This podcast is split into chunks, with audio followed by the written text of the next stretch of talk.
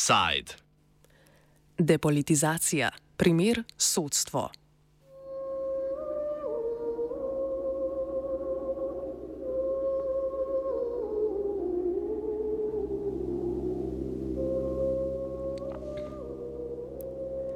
Koalicijski poslanci Gibanja Svoboda, socialnih demokratov in levice so v ponedeljek v parlamentarni postopek uložili predlog spremembe ustave v delu, ki ureja imenovanja sodnikov.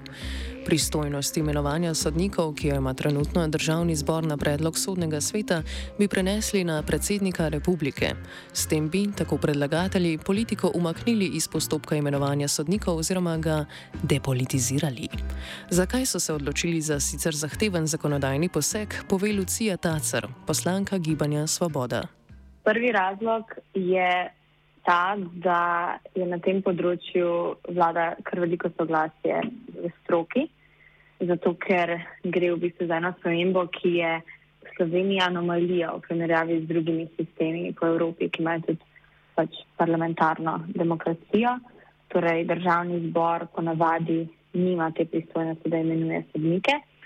Čisto tistem konkreten razlog, kot sem omenila, je depolitizacija postopka imenovanja sodnikov. To pomeni, da v bistvu premaknemo to imenovanje iz državnega zbora. Trenutno ne volijo sodnike poslanci na predlog sodnega sveta, mi pa želimo to spremeniti, da bo sodnike imenoval predsednik republike na predlog sodnega sveta. Predsednik republike je manj političen organ, zato ker imamo že samo to tradicijo, da predstavlja neko pravno enotnost države, da se tudi uh, kandidat, ko je izvoljen, recimo zamrzne statuse stranke ali pa se izčlani stranke, medtem ko državnem zboru vemo, da je izrazito politično dogajanje, ker gre za v bistvu soočenje različnih političnih mnenj in potem tudi preglasovanje enega ali drugega.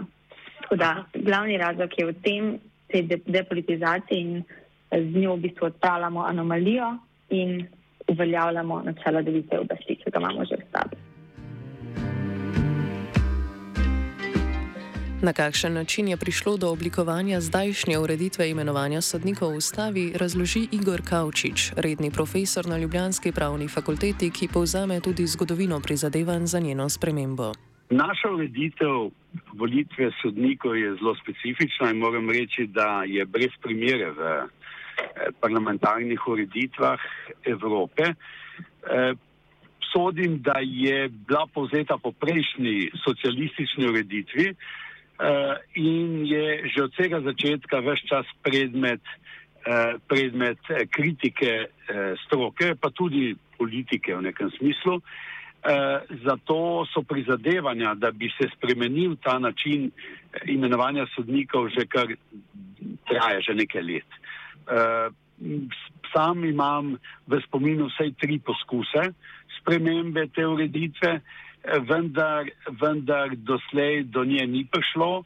Uh, pa ne zato, ker bi ugovarjali uh, možnosti, da, pre, da, da imenovanje sodnikov pravi predsednik republike ali sodni svet, namreč v igri sta bila oba organa, temveč bo zaradi drugih določb, ki so prišle v paketu za te spremembe. Tukaj imam v misli zlasti imenovani preizkusni mandat, ki je bil najprej pet let predlagan, kasneje tri, ali pa sprememba sodnega sveta. Tako da lahko rečem, da strokovna prizadevanja za spremembo te ureditve so, eh, trajajo že več let, stroka jih podpira eh, o sami konkretizaciji, torej komu predati, prenesti to pristojnost državnega zbora, pa niso, eh, niso enoznačni odgovori. V igri sta pa dva, to je predsednik republike ali sodni svet.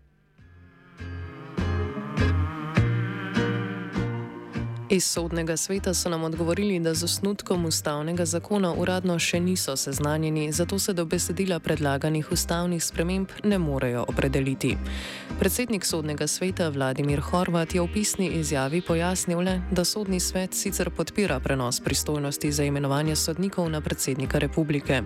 Večkrat so namreč opozarjali na neustreznost sistema imenovanja kandidatov za sodnike v državnem zboru, pred dvema letoma pa so na to sami podali pobudo za spremembo spremembo ustave in zakona o sodniški službi, da se pristojnosti za volitve oziroma imenovanja sodnic in sodnikov prenesejo na drug ustavni organ.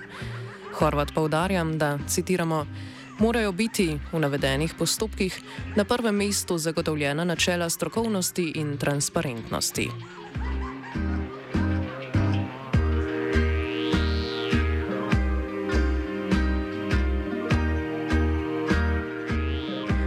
Odzvali so se tudi v slovenskem sodniškem društvu. Stališče o predlaganih sprememb ustave predstavi predsednica društva Vesna Bergant Rakočevič.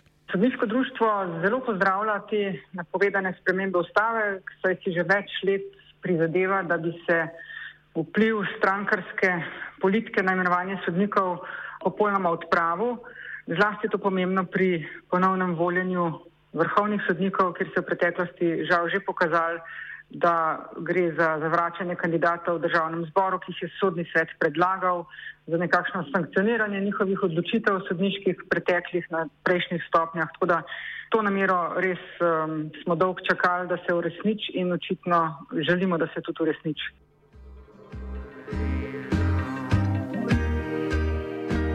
Predvidena novost ustavnega zakona je uvedba triletne preizkusne dobe, preden sodnica oziroma sodnik nastopi trajni mandat. V slovenskem sodniškem društvu so do tega zadržani, saj da je sodniško delo že zdaj natančno in pogosto nadzorovano. Okrog tega je bila pa v preteklosti, uh, ker to niso neki novi predlogi, uh, že večkrat razprava in zdaj na prvi pogled se ta predlog ne zdi neki posebej problematičen, zlasti ker uh, ima tudi neke primerjalne zglede, vendar je potem prevladalo stališče v društvu, da to potem, ko je sodnik enkrat že izvoljen v trajni mandat in bi ta njegov nekakšen odpoklic uh, vendarle predstavljal nek nedopustni poseg v sodniško neodvisnost. Tako da je naše uradno stališče, da temu nasprotujemo.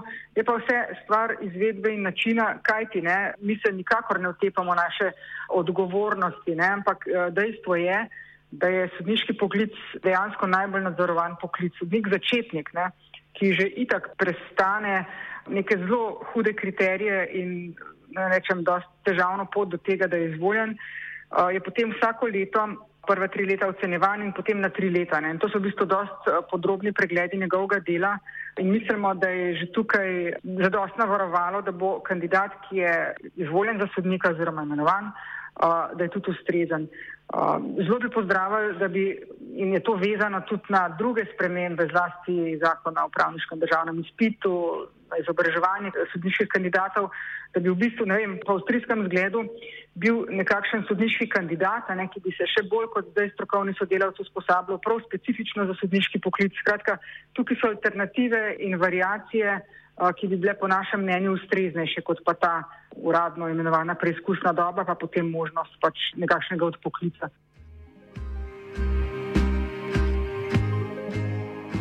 Depolitizacija sodstva je po depolitizaciji policije in radio televizije Slovenija tretja v vrsti, za katero se je zauzela vladna koalicija. Beseda po slovarski definiciji pomeni odpravo, odstranitev političnih elementov vplivov iz česa. Zdaj nastopa kot politični moment nove oblasti, ki lovi liberalno ravnotežje med vstopanjem politike v različne družbene sfere in izstopanjem iz njih. Pa je sodstvo politizirano? Ne, mislim vendarle, da ne. Vendar je pa res je to pomemben, nujen korak uh, v, v pravo smer, v, v smer popolne oziroma prave sodniške neodvisnosti. Zakaj? Sej človek bi rekel, koliko krat se je pa zgodilo. Glejte, en sam primer, da je kandidat, ki ga strokovni organ, se pravi sodni svet predlaga, pa je zavrnjen strani poslancov, zaradi neke sodniške odločitve, dovolj je, da je eden, pa jih je vložal več, da je ravno v zadnjem času dva. Je to sporočilo vsem sodnikom, gledajte, kako boste sodili v primerih, kjer je bodi si stranka izpostavljena ali kakorkoli povezana ali pač politično obarvana. Tako da to je dejansko bila neka anomalija. Um, Zelo škodljivo za celoten sistem, čeprav ne, že itak vrhovnih sodnikov ni veliko, ampak um, je res to pomembna sprememba v smer tako kot se pač reče, depolitizacija. Ne? To vse ne treba vedeti, da samo na jezikovnem nivoju predpostavlja, da zdaj pa so to je politizirano. Ne? Žal je pa bilo dejansko v preteklosti tako, da je pač to bila neka varovalka, ki je imela trenutna politična oblast uh, na razpolago, ne? da pač je bil kandidat, ki ni ustrezal, pa pač ni bil izvoljen. Ne? Nočem s tem reči in ne impliciram, da tisti, ki pa je bil izvoljen, da je bil političen.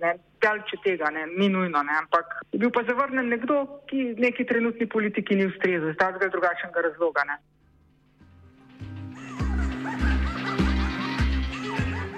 Dogodek, ob katerem je sodstvo opozarjalo na umešavanje politike v njegovo avtonomijo, je bila neizvolitev Aleksandra Karakaša in Stanke Živič za vrhovna sodnika Julija Lani, kar je obsodil tudi sodni svet. Poslanci SDS, NSI, SMC, SNS in poslanca narodnih skupnosti tedaj niso sledili predlogu sodnega sveta, ki ga ustava ne umešča v nobeno vejo oblasti. Poslanka SDS Alenka Jeraj je v razpravi kandidatoma očitala sojenje v konkretnih primerjih, ko so bili v sodnih postopkih udeleženi posamezniki blizu SDS. Denimo sojeni nekdanjemu županskemu kandidatu v Sežani Milku Noviču in kasnejšemu državnemu sekretarju na notranjem ministrstvu Francu Kanglerju. Je to primer politizacije sodstva s političnim sankcioniranjem sojenja v posameznih zadevah? Definitivno, absolutno. Vse to je, to je bilo v bistvu javnosti predočeno strani poslancev, ki so o teh eh, kandidatih eh, mirno razpravljali, eh, v nasprotju z vsemi strokovnimi ocenami, ki so plot natančnih ocen sodniške službe, pretekle karijere, vseh mogočih strokovnih referencane. Pa, žal nista bila samo ta dva, ne. ta dva sta bila zdaj mogoče najbolj na očeh.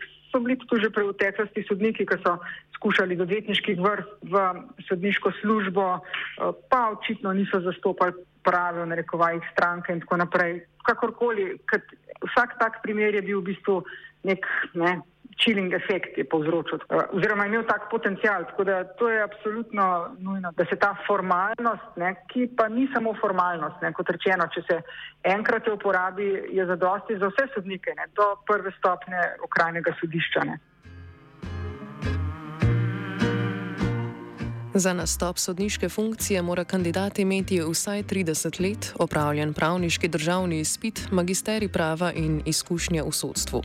Sodni svet izbere med kandidati za sodnike in izbrance predlaga državnemu zboru. Tam gredo kandidati skozi sito mandatno-volilne komisije, na zadnje pa morajo prestati glasovanje v državnem zboru.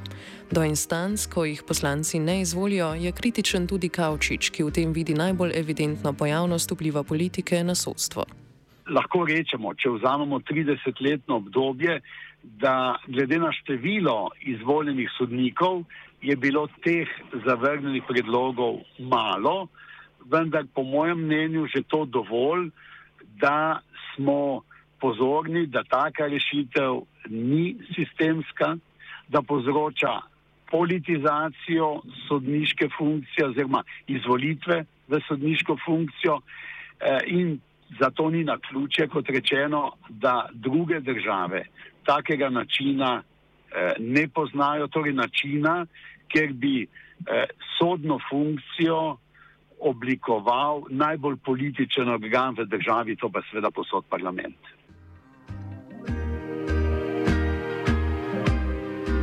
Kot omenjeno, je sedanja ureditev imenovanja sodnikov v Sloveniji svoj vrsten unikum.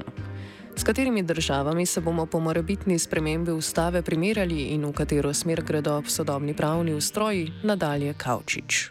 V Evropi bi lahko potegnili črto med eh, eh, uveljavljenimi ali kot jim pravimo starejšimi demokracijami Zahodne Evrope ter novimi demokracijami Vzhodne Evrope.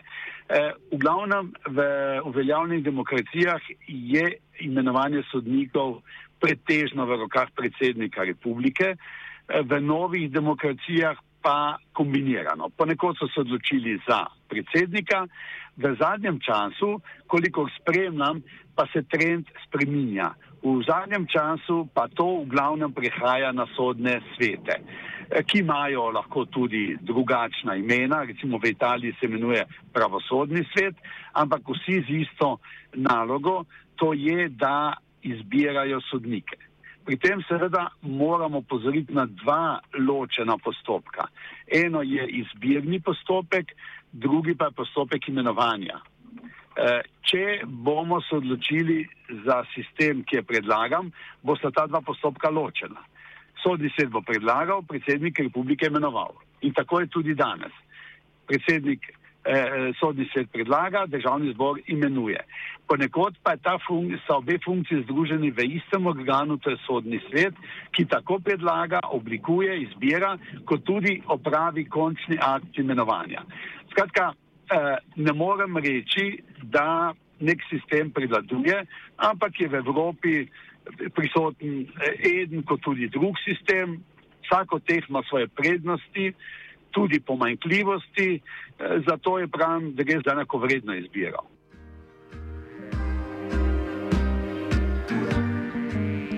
Ker predlog sprememb posega v ustavo, je za njegovo sprejetje potrebna absolutna kvalificirana večina dveh tretjin poslancev državnega zbora.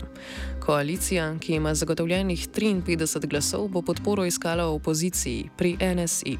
Depolitizacija sodstva je brškone najmanj ideološki in najbolj strokovno utemeljen umik politike, ki ga izvaja vladna koalicija. Ob inflaciji depolitizacije, ki smo ji priča, pa je skrb, da se bo politika prenehala ukvarjati s politiko, kar je druga slovarska definicija depolitizacije, vseeno odveč.